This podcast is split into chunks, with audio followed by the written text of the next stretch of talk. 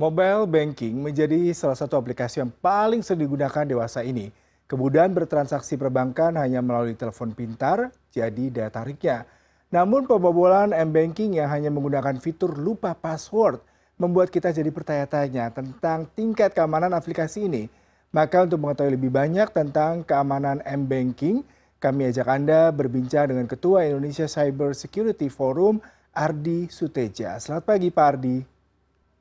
Selamat pagi Mas Yuda. Ya, Pak Ardi kalau kasus mengenai pembobolan melalui M-Banking maupun fraud seperti ini sebenarnya kalau tadi kasusnya dengan Bank BRI anda melihat evaluasi dalam 2022 ini terutama, seberapa seringkah kasus pembobolan M-Banking semacam itu sering terjadi, Pak? Uh, ya, uh, terima kasih atas kesempatannya pagi ini ya. Uh, ini memang lagi lagi rame nih uh, kasus apa pembobolan uh, mobile banking ya. Tapi um, sejujurnya ya sampai sebagian besar kasus itu yang terjadi selama kurun waktu 2022 dan sebelumnya itu hampir sebagian besar adalah uh, bukan karena sistem, bukan karena teknologinya, tapi karena uh, adanya kealpaan daripada uh, uh, si penggunanya. Jadi apa uh, nasabahnya ya. Uh, itu sebab penyebabnya uh, sangat beragam ya dari uh, alpa, dari uh, ceroboh ya. Terus juga um, ya itu uh, juga ada faktor juga uh, yang dikenal dengan soceng atau social engineering ya akibat uh, social engineering atau uh, apa uh, istilahnya penipuan ya, penipuan yang memanfaatkan kelengahan daripada nasabah itu sendiri. Hmm. Pak Ardi, kalau Anda tadi sedikit menyebutkan sepertinya memang kesalahan lebih banyak di, ditekankan ataupun dibebankan kepada nasabah ataupun pengguna mobile banking. Kenapa seperti itu Pak? Apakah seharusnya bank juga bisa melakukan proteksi-proteksi yang lebih complicated sehingga tidak terjadi hal serupa ke depannya? Uh, betul, jadi gini, ini nggak bisa uh, satu pihak ya. Artinya uh, jangan, uh, walaupun ini sebagian besar adalah uh, kealpan dari nasabah ya, tapi uh, ini tidak bisa dipungkiri bahwa uh, si perbankan sendiri yang memiliki sistem dan teknologi juga ikut berperan uh, untuk uh, seharusnya bisa mencegah ya. Artinya uh, ini tidak bisa berjalan sendiri ya uh, hmm. jangan kita pasrahkan uh, apa namanya semua ini pada pada apa uh, kemampuan daripada nasabah dan harus kita ingat ya nasabah kita ini kan uh, boleh dikatakan literasi digitalnya uh, belum memadai ya sampai sebagian besar jangan kita bicara uh, populasi uh, jumlah uh, apa teknologi atau gadget atau handphone uh, sangat besar uh, itu bukan berarti bahwa tingkat literasi digital kita itu tinggi ya. Uh, karena tidak ada yang pernah mengajari literasi digital pada masyarakat ya. Itu dari awal uh, munculnya uh, HP itu sendiri ya. Uh, handphone teknologi apa uh, seluler itu tidak pernah ada yang mengajari bagaimana kita uh, bisa memanfaatkan mempergunakan teknologi seluler ya apalagi uh, apa handphone ini secara uh, baik benar dan aman ya hmm. uh, nah ini juga faktor yang uh, menjadi uh, pemicu kenapa banyak kasus-kasus uh, ini muncul tapi kembali lagi uh, ini memang harus semua pihak ikut berperan ikut membantu untuk menekan dan meminimalisir resiko-resiko yang ada. Iya, Anda juga mengatakan tadi literasi terkait dengan teknologi perbankan, uh, terutama ketika menggunakan uh, mobile banking dan smartphone ya Pak ya. Tapi di satu sisi kita ketahui bahwasanya ini sepertinya mereka harus belajar sendiri secara otodidak. Informasi biasanya dari pihak perbankan hanya berupa fitur yang dikirimkan melalui SMS, WhatsApp ataupun melalui customer service ataupun juga melalui uh, buklet ataupun leaflet yang dibagikan. Lalu apakah Anda melihat kondisi ini masih cukup signifikan untuk membuat kesadaran literasi semakin baik dalam penggunaan digital mobile banking seperti ini, Pak? Uh, sebetulnya masih kurang ya, uh, karena uh, sifatnya kalau uh, memberikan panduan atau informasi pada masyarakat ya nasabah ya uh, publik ini memang uh, harus dievaluasi uh, apakah uh, apa yang dilakukan selama ini sudah uh, apa sudah uh, sudah tepat gitu karena kita kan nggak tahu masing-masing uh, kemampuan kognitif ya kognitif dari uh, masyarakat publik nasabah itu uh, seberapa jauh Uh, apakah cukup cuma diberikan panduan uh, berupa apa tertulis segala macam terus dengan infografis segala macam apakah itu cukup? Nah ini kan tentunya harus dievaluasi ya. Jadi tidak bisa normatif seperti yang sekarang uh, sudah terjadi dianggap oke okay, sudah menerbitkan buku panduan sudah dijelaskan uh, apa lewat uh, SMS sudah dijelaskan lewat apa uh, video dan bentuk-bentuk uh, penjelasan virtual lainnya uh, itu sudah cukup. Tapi harus ada evaluasi seberapa jauh uh, mereka memahami ya kalau tidak dievaluasi tentunya ya uh, tidak akan ada uh, apa uh, bentuk komunikasi yang efektif uh, dengan nasabah. Ya. Seharusnya ini ada semacam uh, komunikasi dua arah antara uh, uh, perbankan, ya, lembaga penyedia uh, sistem dan teknologinya dengan nasabah. Nah ini kalau tidak dievaluasi bagaimana kita akan memahami dan mengetahui bahwa ada adanya kelemahan gitu. Hmm. Pak Ardi kalau kita bicara mengenai kasus ini, apakah Anda mengevaluasi bank-bank tertentu ataukah ada bank khusus yang selalu menjadi target operandi pembobolan m-banking mengingat boleh jadi satu terkait dengan jumlah nasabah, kemudian juga karakteristik dari perbankannya sendiri, segmen dari para uh, uh, para nasabah juga apakah menentukan para pelaku kejahatan di sektor perbankan ini, Pak? Ya terus terang aja uh, jangan dilihat yang sudah terjadi kasusnya itu uh, seolah-olah ini terjadi pada satu bank ya. Uh, itu tidak demikian ya. Uh, ini kebetulan ada satu bank yang kena ya, yang yang banyak sekali uh, apa uh, terkena masalah. Tapi sebetulnya bukan itu. Banyak bank-bank lain yang sudah terkena. Tapi memang ada yang melapor, ya, ada yang perangkat di media, ada yang tidak perangkat, ya. Uh, dan ini uh, semua bank, semua lembaga perbankan ya itu itu pasti akan akan mengalami dan bahkan mungkin sudah mengalami, cuman uh, tingkat atau derajat uh, masalahnya uh, belum uh, belum uh, sampai uh, apa namanya uh, masuk ke media ya karena kita uh, tahu kasus-kasus ini kan semuanya dari media kan yeah. dan ada yang uh, masuk ke media ada yang tidak masuk sehingga uh, saya tidak meyakini bahwa ini hanya hanya satu bank yang menjadi sasaran. Sebetulnya semua bank itu menjadi sasaran ya. Apalagi kalau mereka sudah punya menggunakan platform-platform uh, digital ya, uh, itu pasti akan akan terjadi masalah. Hmm. Pak ya, Pak Ardi kalau kita bicara mengenai kasus yang tadi saya bacakan, pelaku pembobol mobile banking dari BRI menggunakan layanan lupa password. Ini biasanya paling sederhana ya.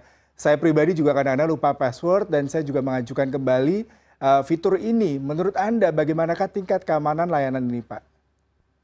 Ya ini sebetulnya modus yang uh, bukan baru ya. Uh, dulu uh, tahun beberapa tahun dua dua tahun yang lalu ya, kalau nggak salah ada uh, apa ya, kita punya uh, rekan ya, uh, seorang wartawan senior juga terkena hal serupa ya, di mana uh, dia kebetulan uh, terkena di mana uh, si pelaku itu pergi ke gerai seluler ya minta pergantian kartu SIM dengan menggunakan KTP eh, aspal.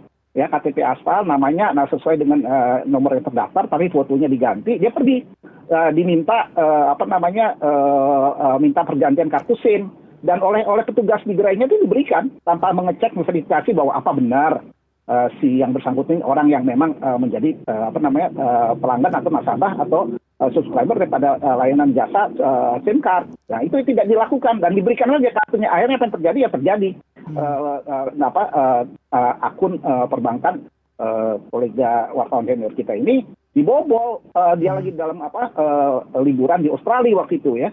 Jadi uh, ini sebenarnya sama apa yang terjadi dengan uh, pasangan suami istri itu dia memanfaatkan kelemahan itu. Dan ini juga saya tidak meyakini uh, apa namanya ini kebetulan. Ini dia mungkin sudah sudah tahu kelemahan-kelemahan itu ya. Artinya memang uh, ini dari kasus-kasus seperti ini seharusnya uh, ada peningkatan uh, sistem keamanan ya kewaspadaan di, di semua sistem platform uh, yang menyelenggarakan uh, apa namanya uh, mobile banking ya. Uh, karena fitur-fitur lupa password itu memang harus ada semacam uh, verifikasi berlapis ya atau disebut dengan multifactor authentication ya untuk memverifikasi bahwa itu benar si nasabah yang memang meminta uh, pergantian uh, apa uh, pergantian atau uh, pengkinian daripada uh, password itu. Hmm. Bapak kalau kita bicara mengenai literasi ya ini juga ternyata tidak hanya terjadi di kalangan muda tapi juga orang-orang yang dianggap lansia karena mereka sering kali di apa diasosiasikan dengan gaptek teknologi.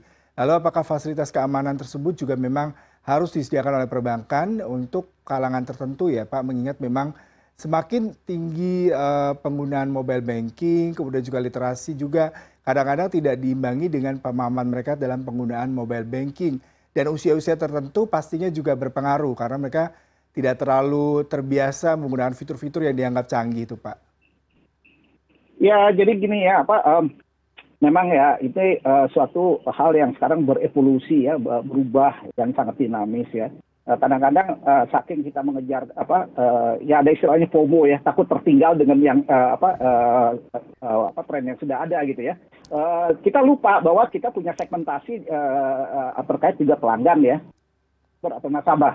Uh, nasabah sehingga uh, seharusnya ya ada semacam uh, pemikiran uh, bahwa harus ada uh, apa namanya program-program sosialisasi ya uh, terutama terkait dengan bagaimana menjaga uh, keamanan uh, akunnya. Itu kepada segmen-segmen yang memang uh, sesuai disesuaikan dengan usia usia nasabah. Karena memang uh, masalah literasi digital ini menjadi masalah yang sangat uh, penting dan pokok di, di, di negara kita terkait dengan digitalisasi ya. Kalau ini tidak dipahami ya uh, jangan kita anggap bahwa uh, semua nasabah itu mengerti atau semua pelanggan mengerti digi, uh, apa literasi digital itu tidak tidak sama uh, uh, pemahamannya di tempat-tempat lain atau di daerah lain mungkin di kota-kota besar ya metropolitan seperti Jakarta mungkin hampir sebagian besar paham ya tapi belum tentu mungkin yang di Bandung atau di Jogja atau di Semarang atau di kota-kota uh, lain. Hmm. Pak Ardi ini terakhir terkait dengan klaim ya satu pertama apakah nasabah yang kehilangan uang melalui kejahatan digital ini bisa mengajukan uh, ganti rugi kepada perbankan. Lalu kedua, tipsnya seperti apa ini Pak Ardi untuk warga terhindar dari kasus serupa? Betul, jadi gini, um, nasabah yang merasa dirugikan tentunya uh, punya hak ya, dan saya rasa mekanisme itu sudah diatur oleh peraturan uh, uh, perbankan ya, uh, oleh BI sendiri. Itu ada ada jaminan uh, kalau memang bisa dibuktikan bahwa itu uh, akibat uh, apa kecerobohan atau uh, kelalaian atau tindak kriminal yang merugikan nasabah tentunya itu sudah dijamin oleh oleh perbankan. Kalau nggak salah ada uh, apa uh, ya, uh, lembaga penjamin dari lembaga penjaminan itu yang menjamin uh, uang nasabah yang tersimpan di dalam sistem perbankan.